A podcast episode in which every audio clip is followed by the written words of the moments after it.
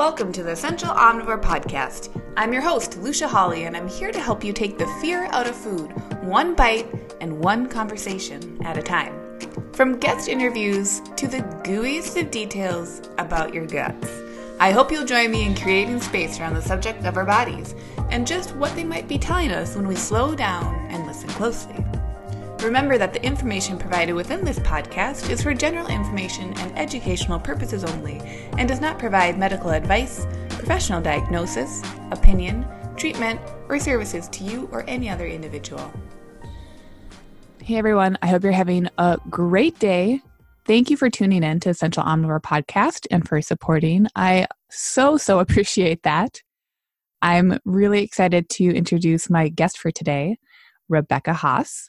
Rebecca is a teacher, musician, creative, and coach for creatives living in St. Paul, Minnesota. Rebecca is on the podcast today talking about her experience as a creative and performer with anxiety and how the journey towards reclaiming her relationship with anxiety has created space for her to continue to grow in the way she desires. And as you'll learn as we talk in our discussion, how that growth and how even that relationship with anxiety is totally a moving target and how that's totally okay and actually really super cool. So let's dive in. I'd love if we could just really, I mean, jump into your story. You could take it away. Sound good, Rebecca?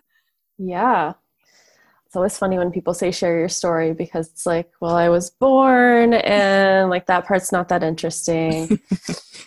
but uh yeah, well, I'm a musician and a composer and I've been a musician my almost my whole life. You know, started taking piano at age 6 and I'm 35 now, so like a big percentage of my life has been identifying as a musician even if I didn't know I was going to do that for a career, which I can tell you about in a minute.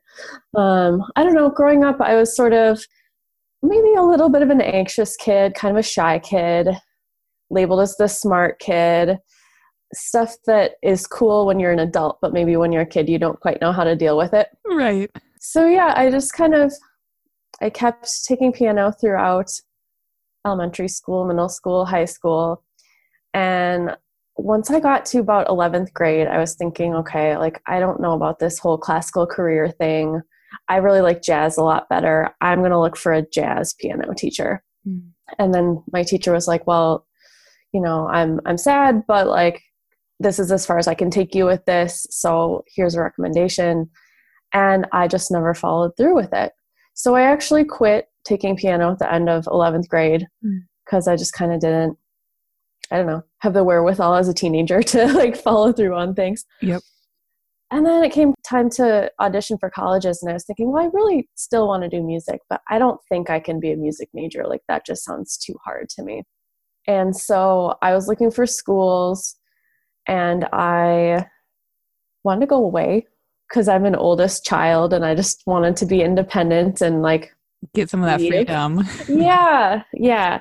And so I ended up, I was really interested in photography at the time too. So I was thinking about that as potential option. And you know, you go to like the career counselor or whatever and like type a bunch of stuff into a computer and it gives you results. And so Ithaca College had a photography major. So that mm-hmm. popped up like pretty high on the list. They're also an amazing music school, which I was like, oh, I'll just go there and minor in music and that'll be cool. And, you know, it worked out. I got in there. I ended up going there, got started on all the music curriculum that minors have to take the first year. And I was like, this is really like all I want to be doing. Mm. So I should probably audition to be music major. I think I can, yeah, I can do this like now that I'm here and I see what it's really like. And the professors you know already knew me and i had to do an audition but it was pretty much easier than i thought once i was there. Mm. so the path in music school like is usually classically oriented which i liked and i did that but i always knew that i wasn't going to be just that kind of person. Yep. Because like i said before i liked jazz better and i took every class i could that wasn't a Western classical music class. Like I took jazz piano, jazz arranging, um, like ethnomusicology classes. I even thought about doing that as like a grad school career, which I still think is cool, but yeah, that's okay. um, yeah, so I don't know. I was always trying to create my own path, but not really knowing what it was. So I graduated with that degree, and I didn't really know what I was going to be doing. I moved back to Minneapolis, um, which is where I am now, or St. Paul, actually. Not that anyone, some people have the rivalry between the two. I'm, I'm equal opportunity. It's okay. Yeah, I, I was always like that too. I was like, you guys, we're all we're all really close to each other. yeah, it's a river, and like you can walk across it, and it's Yeah. really easy. Right, right. I live like four blocks from Minneapolis right now too, so it's Oh, like that's awesome. whatever. Yeah. yeah, I've lived in both. But um, yeah, so I moved back. That was in like 2005 because I, I I don't know. I wanted to stay. I liked Ithaca a lot as a place. I wanted to stay there, but I didn't really see a good reason to stay there except like I want to be near my friends, and that kind of didn't seem like a compelling enough reason. Right. and I wanted to be back in a city, and I really like it here. So I was happy to come back and like be near my family. Mm. But it was kind of strange because a lot of my friends either moved away or had moved on and were sort of like doing different things and weren't really in my life anymore. So it was mm-hmm. kind of a weird thing. Like people always say that it's really hard to move to Minnesota because it's so insular and everyone is friends with their like elementary school friends Right. and I didn't really have that experience. It's not that none of them were around or that I cut ties with all of them or something, but I just didn't really have that same experience. So I kind of felt like I had to start over a little bit. Mm. Um, and then I started working at Half Price Books, which is a great used bookstore chain here and in a lot of different states. And that was so cool because I was just surrounded by people who are like me, you know, overqualified for retail because that's Right. how they hire like really interesting things Yeah. art, music, etc. And that's actually where I met my partner, Mm. which is cool. And I have a lot of like great lifelong friends from that job. That's amazing. Yeah, it is amazing. And it's like, oh, it's just a retail job, but No, so much more. a lot cooler. Yeah, yeah. They're actually really good to their employees too, as far as like health insurance and Mm. vacation days and stuff. Wow. They're good company. Yeah. so I was kind of like, okay, I found a place to land. That's cool. But I I was a little confused still about how to go about starting to teach piano and just how to like meet people in the music business because I didn't really know that many people who were involved in music that were here. And I joined a piano teacher association and I went to my first meeting and like no one talked to me Mm. and it was strange but not that strange because sometimes minnesota can be like that I was like, sounds like a sounds like Minnesota. yeah and i was like i'm 22 and everyone there was a lot older than me so i was like Sure. okay um, i don't know if i'm really that into these meetings yeah. and i didn't really go anymore and i eventually started to meet more people but um, it really helped a year later i started working at MacPhail center for music Mm. community music school here which i know you know about Yep. as a former student Yeah. It's a great place that I still work at now. And that really helped me get connected to people. And I was an accompanist there to start. Mm. And eventually down the line, I started doing more group teaching and teaching theory and now private lessons too in the last few years. But all along that way, I kind of didn't know like, what am I really doing? I Mhm. knew I enjoyed teaching, but it never really felt like I was doing enough of anything, Right. probably because I needed to make my own path more than I needed to follow a prescribed one. Yeah. I feel like a really big turning point was in it was 2010. Yeah, like 5 years after I moved back here, I decided I wanted to apply for grad school for collaborative piano Mm. because the more updated term for accompanist. Some people Okay. don't like being called an accompanist because they think it makes them sound like oh pianists are second rate to the soloist. I personally am not offended by that term, but like yeah. people say collaborative piano to be more equal and respectful. Yeah. That's cool. So I decided, yeah, it was just like kind of a quarter life crisis. I was like, well, I don't really like my day job. I had moved on from half price books at that point. I was like, I don't really feel good at this day job. I don't really have a clear idea of what I want to be doing. How about grad school? Because that's like a very defined path. Right. And I think a lot of people are drawn to school because of that. And so I found a few places to apply to, and um, it was at the same time that we were testing some software at work or um, sorry, starting to use new software without fully testing it. Mm, okay. And in the course of this same month, I flew to three different places to audition, like three Oh, wow. weekends. yeah. Um, and so my anxiety had been ramping up because like big life changes were being contemplated and Right. you know just just worrying about like accomplishing okay can i be good enough to do this? Can i get this audition prepared? All that kind of stuff One changes to your routine too. I think, you know, travel can be is amazing, but yeah. at least like from a physiological standpoint, that's a that's a lot, especially if you're It's nervous about then auditioning in these new and different cities. yeah. Well and, and you're saying changes to your routine. I don't think i even had a good routine at that Mhm. point. I didn't exercise. I i was eating lots of sugar because there would be treats that would show up at work and oh donuts cool. And like oh there's always coffee here. And you know i didn't have to take care of myself that well right. until i was forced to Mm. so i didn't um, so uh, ultimately what happened is like after that month was over i was waiting around for all of the the responses to come back and my anxiety just got so so so out of control to the point where i, I felt sick to my stomach all the time Mm. I was eating like bananas and toast for I don't know weeks, like a month or something. Yeah. Like, I was not in good shape. And because I live in the Midwest, like no one ever taught me how to have emotional skills. yeah. I feel like the what we learn is uh you see an emotion and you just push it down. you push it down. You don't talk about it. No, it never comes up and out. No, it doesn't. And it's terrible. And I, I want to help change that. But, you know, it is what it is. That's fine. And, and previous, I'm curious, previous to, because I want to dive into kind of this more intensive episode and kind of like Yeah. the breaking point. But previous to Yeah. that, you had mentioned earlier, so feeling some anxiety, had anxiety, felt like it was kind of moving along with you throughout the years, like when you're performing or, you know, Yeah. being in your creative zone. What was anxiety like before it kind of started to ramp up in this more oh. intensive Oh. moment? Yeah, I mean, I think it had always been with me. I think I would get anxious about like going to a sleepover at a friend's house in elementary school, and you know, I'd have a stomach ache, and I wouldn't really know like what that was. But Mhm. looking back, okay, that was anxiety. Um, I'd have some social anxiety, definitely performance anxiety, which is funny that I've chosen that as my career. But sure. um, I don't know. Like it was something that I practiced because I grew up doing recitals and piano, and they made me nervous. But Mhm. after a while, I knew, okay, this is something I can do. And until really recently, actually speaking to people, you know, a group of people made me way more nervous than performing. Yeah, yeah. So I think, yeah, I think it was with me in various ways along the way. And mm.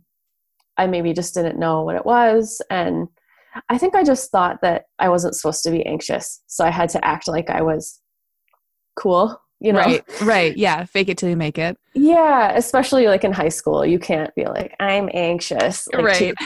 because, you know, they might not understand or whatever. And I was mm-hmm. just kind of private about that stuff, like we just mentioned. So, yeah, yeah, I think it was always there. And I didn't really know how to deal with it mm-hmm.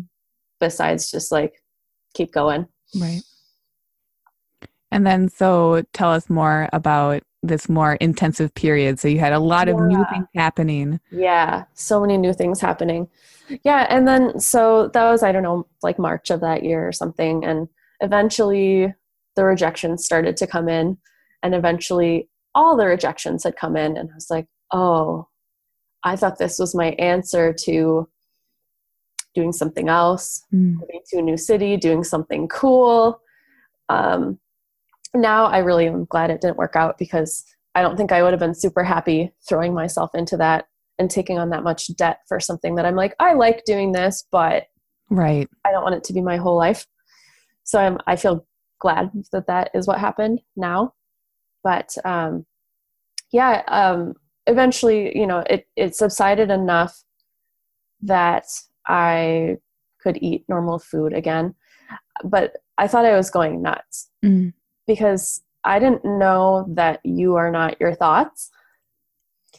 And my thoughts were a minefield. Like they were they were dark. I was like, I'm gonna feel like this forever and mm-hmm. everything is wrong. Because that's what anxiety tells you, you know, your brain is not working properly. But I didn't know I didn't have to believe all of it. Right.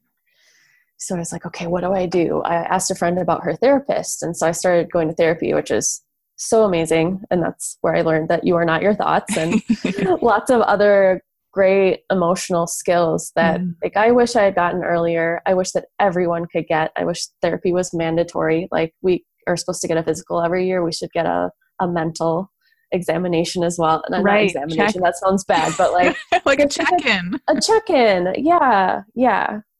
Or check-in and like some form of education, I guess right like like skill building because i yeah i yeah. completely agree i feel like therapy because i've been to therapy as well and mm-hmm. i my master's in social work and when i say that to people yeah. i'm like it's because i believe in therapy yeah therapy is great oh my gosh yes and it's yes. like having those tools in your tool belt just to say like right my like i am not just my thoughts or thoughts can be coming in and then i can choose to be recognizing them and go from yes. there right instead of having yes. them have that full control uh-huh which is so hard to do yep. when you don't even know right that that's a thing right so that was great i mean i, I don't want to say like i went to therapy and it was great it this is a long process of coming yeah. out of this and, yeah. and i think it's natural when you have such a high rate of stimulation like with the anxiety that once that subsides that you go into a low period mm. so i think that i was pretty depressed for a while after that just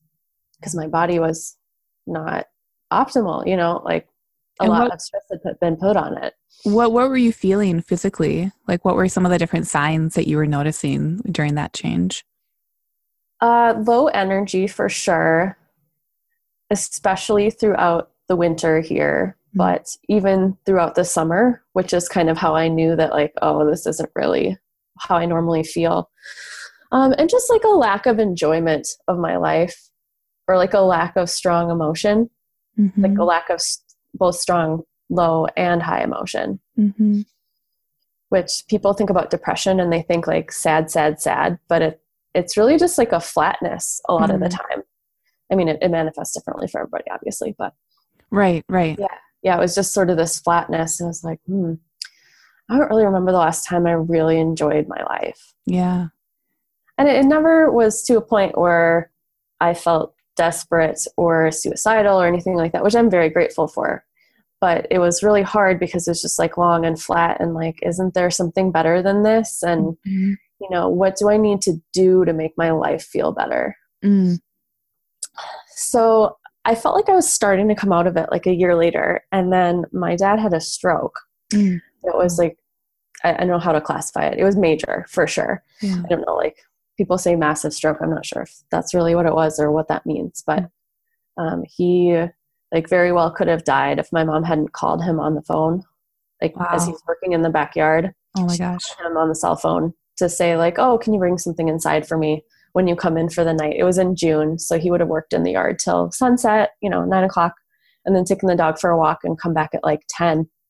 And she called him at I don't know seven or something and said, "Oh, your speech is slurred. Like something weird is going on. He's like, yeah, I keep dropping stuff. This is really weird. And my mom was mm. like, okay, hold on. Like, I'm going to come back there, come inside.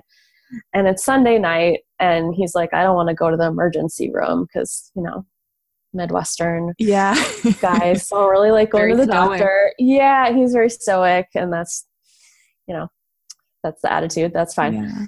Um, and so she was like, okay, fine. I'm going to call the nurse line and see what they say. And they were like, you really should come in. So he was like, okay, fine, I'll come in. And he actually passed out before they got in the car. So they ended up calling an ambulance, which was good because yeah. that'd be much worse. My mom was driving him to the yeah. hospital. It'd be super stressful. Anyway, I don't have to go into the whole, every detail of it, but um, basically this was at the beginning of summer and he spent the entire summer in the hospital mm-hmm. and in rehab um, more than two months so i spent the entire summer basically visiting him where he wherever he was at that time every day. Mm-hmm. and just like the trauma of that really ramped up my anxiety again which is totally normal but um, i found that really frustrating because i was like oh i was starting to feel better and i just got launched back into this difficult right. period although at that time when you're going through something really hard, I think you just go through it because you you have to think about whatever is at hand at that moment. Right. So it wasn't it didn't feel the same as it did before that feeling kind of low and mm-hmm. flat and all that. so I don't know how long that period of tough stuff felt mentally, but a couple of years. And then, oh, I should say too, like walking was one of my best strategies for Yeah. when I felt the most anxious. I, I just like felt like I was jumping out of my skin because I, I was just so anxious. My heart was racing and I would just mm. like walk out the door and walk as fast as I could for as long as I wanted to, maybe an hour or something, whatever it felt like that day. Yeah. And that would always help because endorphins are good. Right. And it's, it almost sounds like you were like metabolizing some of that like emotional energy. Yeah. Just being yeah. like, okay, if my brain is spinning, let me at least like get my yeah. get my gears moving at the same Yeah. pace just to move Yeah. it through your body so it maybe wasn't feeling stuck up either in your heart or in, you know, just Yeah. in you. Yeah. And that was amazing. And it's funny because people talk about like tortured artists and stuff. Mm. And I actually, sometimes I would find playing music to be a good outlet, but most of the time I just felt too scattered and scrambled to even find that Mm. satisfying. I don't know, sometimes stuff that was very like emotional and like big, big chords and stuff that would help me through those moments. But really, it was like the physical exercise that helped the most. Yeah. So almost less of that like emotional stimulation because it sounds like that was Yeah. already ramped up with the Yeah. That you were feeling. Yeah, I didn't really think about it like that at the time, but I think you're right. Mm. So I think that having that in my life and just like stopping eating as much sugar, um, I think I scaled back my caffeine. I don't think I stopped caffeine, but I at least made some improvements, and eventually my body started to like recalibrate itself. And how how did you come to those two conclusions? I think that's really interesting, both looking at the caffeine and also looking at sugar. I'm not sure. I think I was vaguely aware that they weren't healthy habits and that I just felt like I'm doing so poorly that I need to do anything I can to feel better. Yeah. And did you feel like that they affected anxiety and that anxiousness in yeah, particular? for sure. Yeah. Yeah. They I affect me even more now, but Okay. Tell us a little bit about that. Yeah. Well, I can jump ahead to last year. Um, I think we all felt a lot of stress during 2016 with the election coming up and then the election happening. And there was some personal stuff happening in my life that year too that was pretty stressful. Mhm.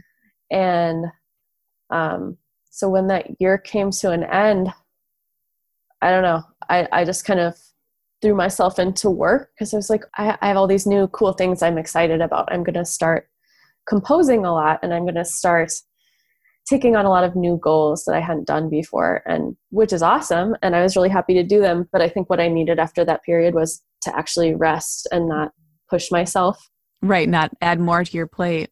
hmm I was pushing myself in a different way and in a way that felt satisfying to me. Like it feels satisfying to achieve goals and to feel fulfilled creatively and all that. So, like, that was good in many ways. But at the same time, I was teaching more than I ever had been.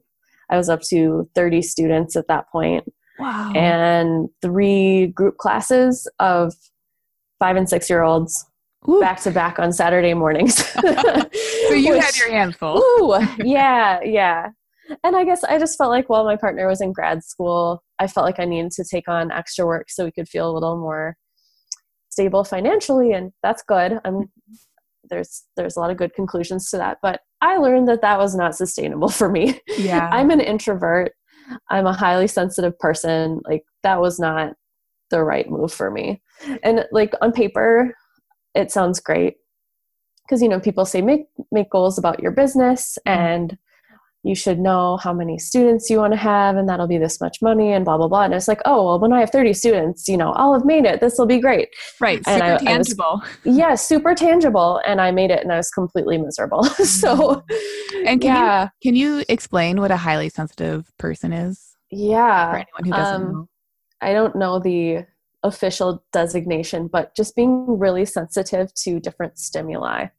So I guess that can take on different forms for different people. But like I feel sensitive to too much noise, um, even like too much visual input sometimes. Just any like Do you large amounts with, of sensory stuff.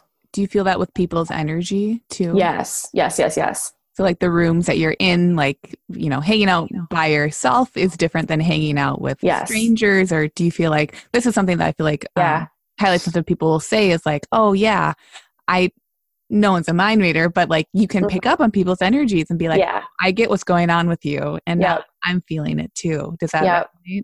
definitely. Or like I start at the day feeling calm and then I have a stressful conversation with someone in which like I'm trying to help them, Mm. which I'm happy to do for my loved ones and stuff, but it's like at the end I've I've soaked up all that and I have to figure out a way to let it go, which Was is that- another skill that I've worked on.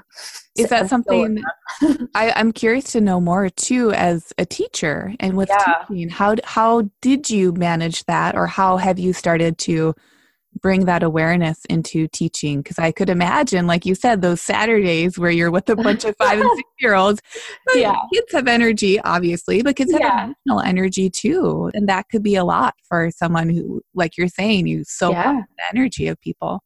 Yeah, it was a lot. And I don't think I was doing anything to really deal with that at that time, which is probably why it caught up with me and I felt super burned out by the end of that school year. But um, I guess things that I do now are to just focus on breathing. I mean, that sounds so obvious or cliche or whatever, but maybe before I go into it, I just try to ground myself by breathing a little bit.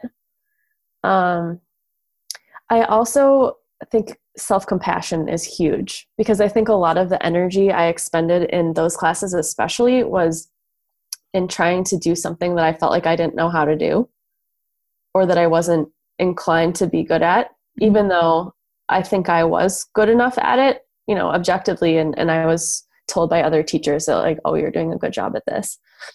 Um, it just felt really out of my comfort zone. So I think that eventually I was able to tell myself, it's okay. Like, however class goes today, it's okay. It's not your fault. It's not your personal failing, you know, that kind of stuff. It's just because this five year old didn't practice and like they don't want to be here because it's Saturday morning. Right, right. you're like, I see you. yeah, I see you. Yeah, yeah. I am you sometimes. And I think that's huge. I think that even comes back to anxiety too. I think so Mhm. often with anxiety, we're trying, at least to some extent, we're trying to do future planning and like have that Mhm. control or think about the outcomes, even if we're feeling like we're not out of control. It's almost like just this um it's like a learned behavior, right? Or learned thought Yeah. pattern that we engage with. So yeah. you know creating that expansion and saying nope i'm actually going to let the outcome be unknown Mm. that's huge Yeah, i'm sure that was huge. really really big and then also recognizing that that is a form of being compassionate towards yourself as well Mhm. I've always been a planner, and my mind is always going to the next thing. Yeah And that part of that is great because I always have a lot of things going on, and like, yeah, I need to think about, okay, do I need to go like get groceries after this thing, and what do I need to get, and blah blah blah. And my mind is good with those details, but when you're just on that hamster wheel, and you're thinking of the next thing and the next thing, and then I have to say, like, brain, cool it. yep you don't need to think about this right now. so and it has when, to be a really active process. when you were experiencing that in that time of the burnout what was your cue that things had to change like was there also a tipping point or were you just like okay Yeah. wait, I need to add more tools into my tool belt because something's going on that I'm not actually feeling all that good anymore. Yeah. Um, I think I started to notice it probably in March of 2017, Mm. which should be not a crazy month as far as like how things usually go for me over the course of a school year, but it was busier than most Marches are. And I think that I was just tired. I had had a big performance or a couple of big performances at the end of January or beginning of February, somewhere in there. And I think that I just really hadn't given myself time to recover from all that or even to acknowledge that I had done something good, something Mhm. big, you know, like I'm I'm notorious for just moving on and on and on and not giving myself like, okay, congratulations, you did something cool. Right, that celebration. Yeah, yeah. So it started in about March, and I just felt like, wow, I am just really tired and I'm burned out. Like, I'm Mhm. just not excited about anything. I really want a vacation. I really need a break. And I usually take spring break with St. Paul schools, which usually is the first week of April. So it's like a good three months of solid schedule. So like those three months can seem long. And I was like, okay, well, spring break, that'll be great. I'll mm. relax and I'll feel better and you know, that'll fix it. But over spring break, I took a trip for half of the week to San Francisco to see this musician Hermeto Pascoal, who's like this giant of Brazilian jazz. Like you can't explain him because he is like no other person. But if if you said like if Frank Zappa had grown up in Brazil, wow, that might start to describe it. Scratch the surface like, a little bit. Yeah, he looks like a wizard. I think he actually is a wizard. He is now, I think he's 82 years old, um, and he never plays in the United States. So I was like, this is during my spring break. I'm going to this show at SF Jazz. Like, this is happening. And I have family and friends there too. So I Mm-hmm. knew that it would be like a fun trip and I could visit some people. So I did that and it was great. But I spent two out of the three nights there nearly sleepless because I was so anxious. Mm, I just couldn't calm down because I think my brain was just overstimulated. mhm. And that's another thing I've learned about myself as a sensitive person that, like, if I do that many things in a day, say, like at a conference or just like a really busy day, sometimes my brain will not turn off. So I need to maybe not do that so much. It's unavoidable sometimes, but I need If to you- be careful. Yeah, it's even having that awareness of recognizing, like, oh, Yeah. right, this is what then could lead to a brain that Yeah. is now not shutting off. Yeah. So I came back exhausted and then launched into April and May, which are very busy months for me usually because I do a lot of accompanying work. So friends will ask me to accompany their studio recitals of their students and stuff. So, like, those were pretty crazy months. And I could tell that my anxiety was ramping up and sort of creeping up on me during that time because it's sneaky. Like, it can creep up on you without you really noticing how bad it's getting because you It sure just can. busy and you just keep going.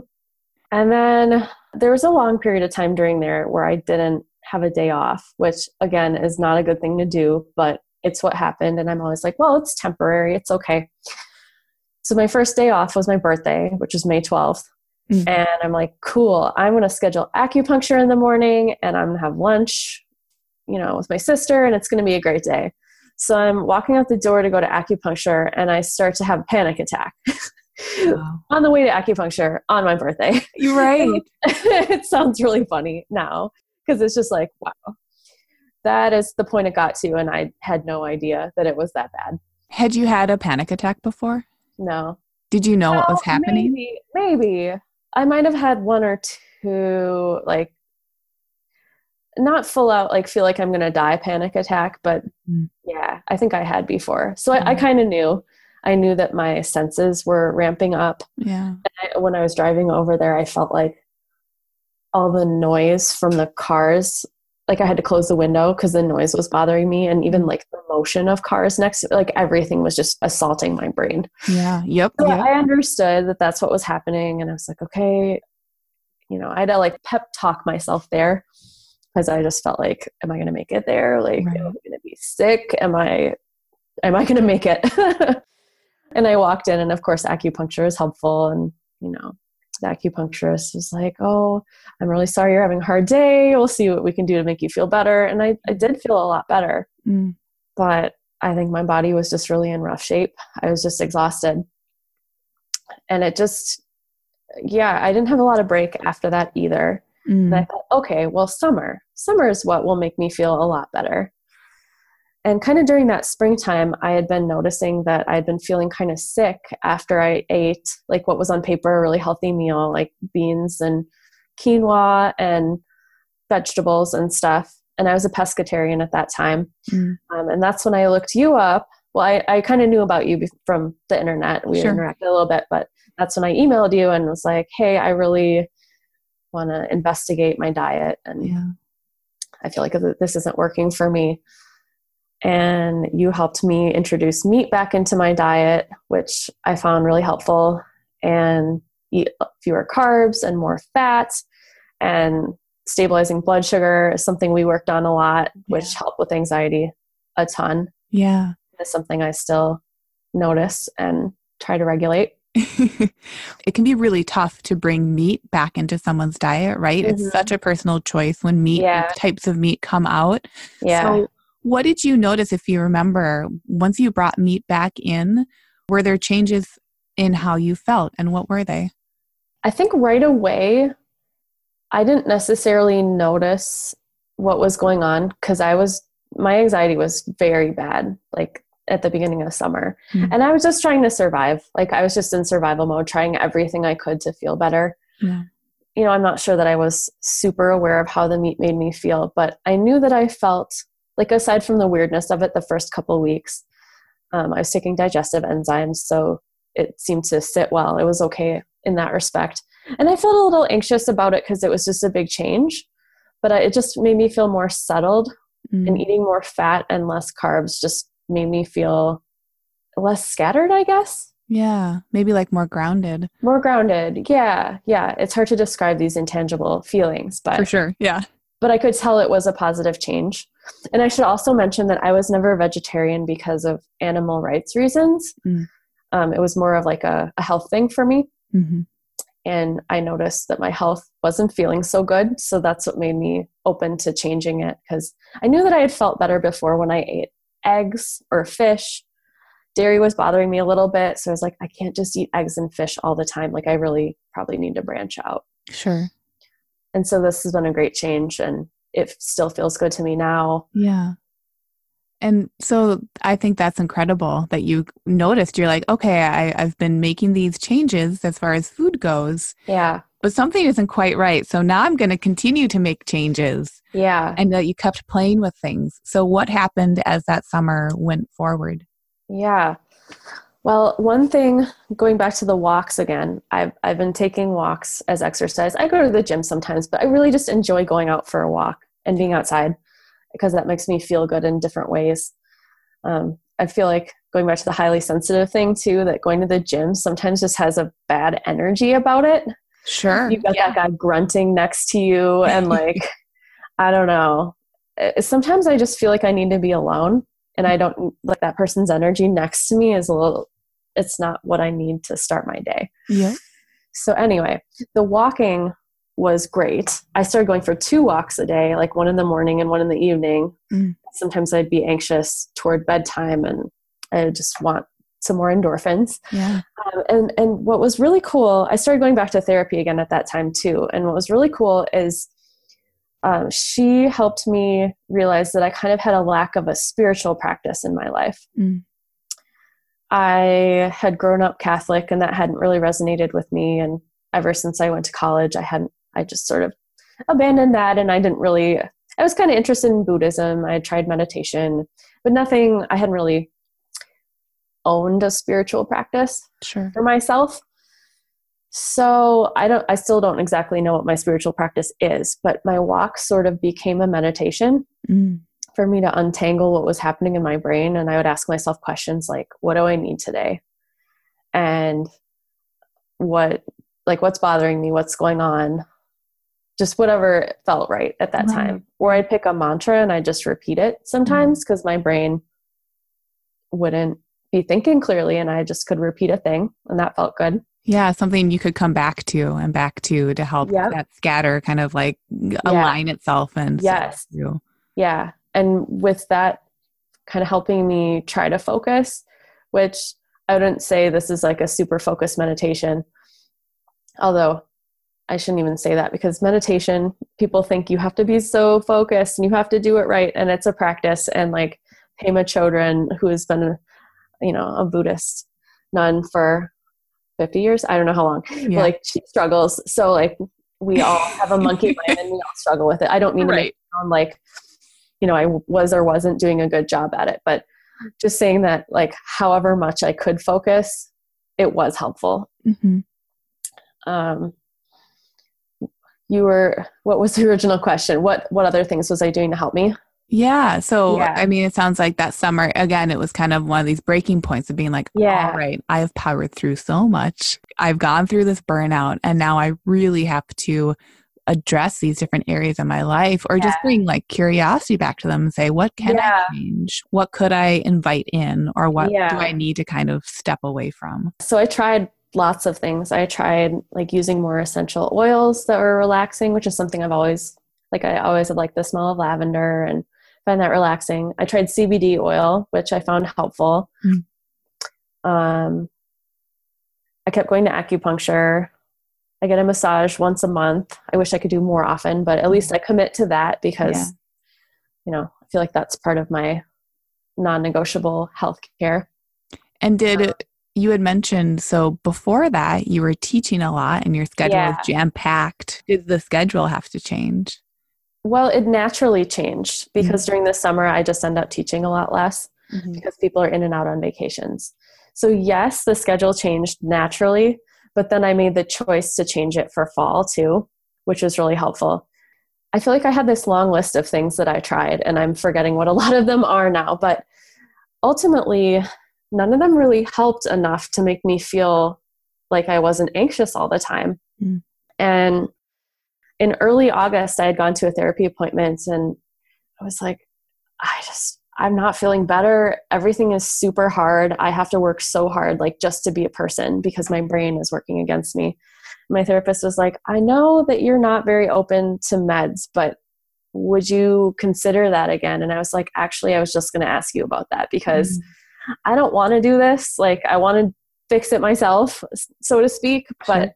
it's not getting better and I need help. So let's try it out. And it, it, it felt intimidating to me too because I just didn't really know how to do it. I have kind of a phobia of going to the doctor. like, Yeah. I just didn't really want to go. But it turns out it was so, so easy to get into a quick clinic and get a Mhm. prescription and even like fill it the same day. Um, and that felt really weird to me because I, I was resistant to it and I was afraid of side effects, which were really rough in terms of insomnia. The Mm. first two weeks, I would basically not sleep at all for a night Mhm. and then the next night I'd be exhausted, so I would sleep, and then I would kind of alternate while I was adjusting to that prescription, and that was hard. I wasn't teaching much during that time. I think I was mostly on break, so I really could just like be on the couch if I hadn't slept that night and Yeah. just like rest and take care of myself. Um, and I go to this camp every year called California Brazil Camp, where you study Brazilian music in a redwood forest and you're off the grid for a week. Whoa. yeah, it's amazing. music and dance, you can do either or both, whatever you feel like. And uh, actually, that musician, Hermeto Pascoal, was there that year for the 20th anniversary of it. So I was Wow. like, oh, this is awesome. They got him to be there. Cool. But I, of course, was really nervous too because I was like, wow, an anxious brain doesn't want change. And like, I'm leaving and I'm going to go visit my family and I'm going to, you know, be in a forest for a week among a lot of people, really filling up my brain with knowledge. You know, how am I going to handle that? right. I wasn't sure. And I think that the meds started to kick in about halfway through the camp. Mm. But I also think that being in a redwood forest without being on my phone or knowing about the news was very Yeah. therapeutic. Yeah. And I also said to myself, like, you want to do a lot of stuff and you want to learn a lot of stuff here, but maybe you can't do as much as you did in the past year, and that has to be okay. And you mm. have to give yourself what you need. So I said to myself, I'm going for a walk every morning. Like, I need to do that because I won't feel good without that. And if I don't take all the classes I want to take, or if I miss one one day, that's okay. Yeah. So I did that and you know, just chose to be easy on myself and maybe didn't do as much or get as much out of it as I did in the past, but it didn't really matter.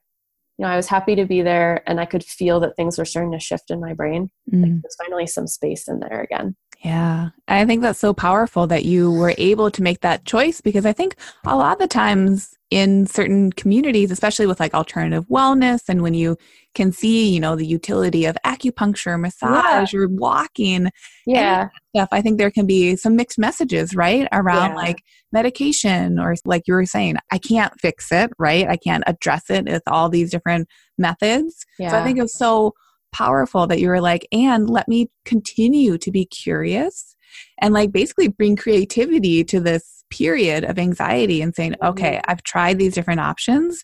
Here's this option that is actually maybe even more intimidating, right? The medication or Mhm. the atmosphere around it, going to the doctor, getting the prescription filled, yeah. still trying it just to say, like, I get to, right? I get to give myself that option. and that I it mean, started that's probably not what I said. I was Right. like, help me. I, I feel terrible. yeah I feel better. Help i me. need help yep I was backed into a corner. Yeah. But but you're right. Like I could have just refused to do it.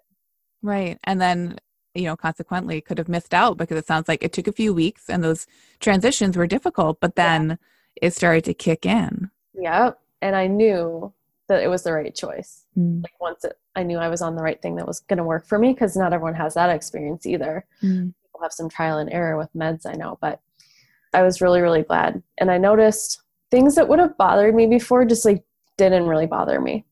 And it's not to say I'm never anxious and I didn't stop doing the healthy things. Yeah. Because I know I need to do those. And sometimes I'll test the limits a little bit and I'll be like, oh, maybe I don't really need to like do meditation for a while. But then I start to feel it. So I think we do that because I think it's a moving target, like what our health is going to be at any given time. yes i So think that that's okay. that's so powerful to hear you say that too that it's a moving target because that can be a tough pill to swallow is that it is moving right we want to Yeah. get it figured out and have it be black and white but Yeah. it can't be because do it right. yeah exactly especially like anxious people Yeah. want to do it right like just Yeah. give me the right thing and i will do it yeah, that's why I mentioned like I was labeled as a smart kid when I was younger because we want to do it right. That's like our value in the world. exactly exactly so then i'm curious because i have these questions that i ask everyone yeah. I'd love to hear, kind of based on these experiences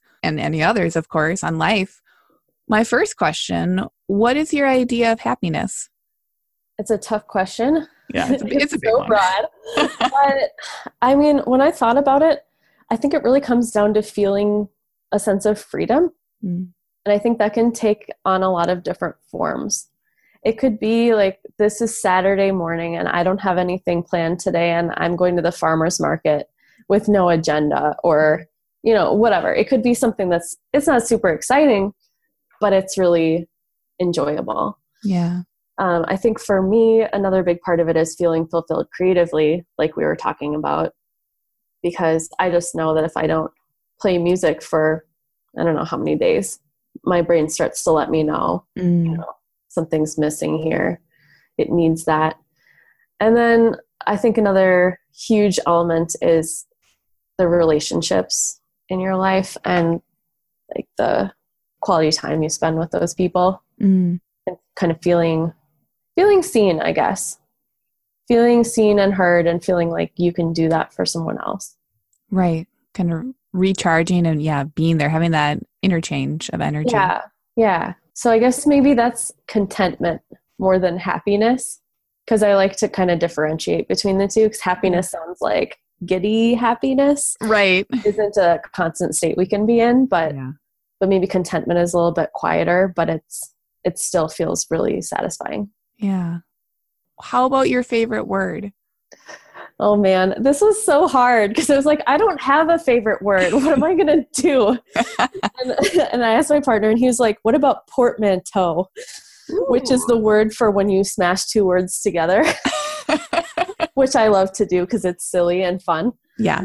But I was like, No, that's not really my favorite word. Mm, So I don't really know if I have a favorite word, but I started to think about it, and I was like, I think grow is really like the content behind that is my favorite because I used to think that people didn't, well, I didn't think people didn't grow, but like I was saying about not thinking I could be a music major in school, I Mhm. just thought I couldn't do it. And I wasn't thinking at all about the potential to grow and learn, even though I had done that for much of my life. right.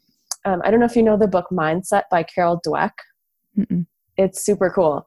It's about basically, she terms it fixed mindset, which is thinking you can't grow, and growth mindset, Mm, thinking that you can, and kind of applies that to different aspects of your life and how you can use growth mindset, you know, in your work and life. It's a great book. I totally recommend it. But but really like the older I get and the more work I do both as a teacher of kids and as a coach, I believe everyone can grow and everyone can get better at something, no matter what it is. Like maybe my talent does not lie in, I don't know, surfing or something, but I could get better at it if I chose to make an effort that's consistent, right? Like Right. I get the question a lot from parents like, oh, is my kid talented? Or like, isn't talent really important? And I'm like, talent's great, but no, it's really not that important. take Like, it or leave it. take it or leave it. If you work hard, you will go so far. And if you're talented, that will help. But if you're talented and you're just riding on the talent without the hard work, Mm. you're not really going to get anywhere. So, anyway, I think everyone has the potential for growth. And the more I embrace that in others and myself, like the better life is. I also feel like that even goes back to the other question, you know, coming back to like contentment and where you're saying like having that feeling of freedom helps you feel content or some Yep. pieces of happiness where it's like being able to grow to me growing is expansion and it's freedom right it's saying like oh my lens gets to open up i get to see more and there's more opportunity and possibility in yeah. whatever realm or capacity you're thinking about that in Yeah. That's very true. So Thanks for then- noticing that parallel. Very cool. Oh, um so then our last question what is your idea of health I think it's broad. Uh-huh. I mean, feeling well, and again, that's kind of broad, but you need to feel well physically, you need to feel well mentally, emotionally, spiritually, um, interpersonally. Like, there's a lot of different ways that you can feel well. And, like we were just saying, it can be a moving target. So, I think that that idea of health has to be so flexible because maybe I'm really stressed out and so, like, my idea of health is to just lay on the couch. And that's great. yeah But maybe the next week it feels totally different. Or like foods you put in your body. As the weather is changing, your idea of health might feel like a sweet potato, whereas like a watermelon was appropriate a month ago. Totally, totally. Right. Having that cold smoothie in the morning might be really tasty in the sun. Yeah. And then in December, you're like, mm-mm. yeah. And sometimes our idea of health should be, well, not should be, but could be pushing yourself to do something new that's good for you. Mm. But other times, maybe contracting and just being more comfortable might be more appropriate. So I think there's a lot of ways yeah. to approach your health. Do you have any ideas for people who are maybe, because I think this is something I struggle with, because I definitely identify with, you know, trending towards being anxious. So I think other Mhm. people will identify with that too. What do you think about like towing that line between pushing yourself like too far into new Mhm. experiences versus pushing yourself because you got to grow, you got to try Yeah. new things, you got to Yeah. get comfortable in those new experiences. Any thoughts on that? Well, again, it's a moving target. so I think just checking in with yourself regularly is what you have to do because without that awareness, you won't really know if you're going too far. Mm. Or if you have gone too far, maybe you need to schedule some rest time to make up for it. I don't know. I find it really challenging. Like, as much as I'm sort of in the business of giving people advice about Yeah. this, Yeah.